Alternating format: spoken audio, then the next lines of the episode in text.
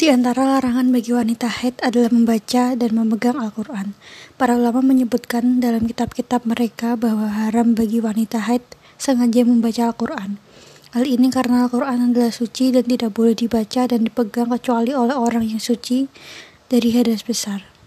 Lantas bagaimana hukum wanita haid mengajarkan Al-Quran, padahal dia profesinya sebagai guru ngaji? Keharaman sengaja membaca Al-Quran sudah ditegaskan oleh Nabi Shallallahu Alaihi Wasallam melalui hadis riwayat Imam Darukutni dari Ibnu Umar berikut, yang artinya tidak boleh wanita haid dan orang yang dalam keadaan junub membaca Al-Quran.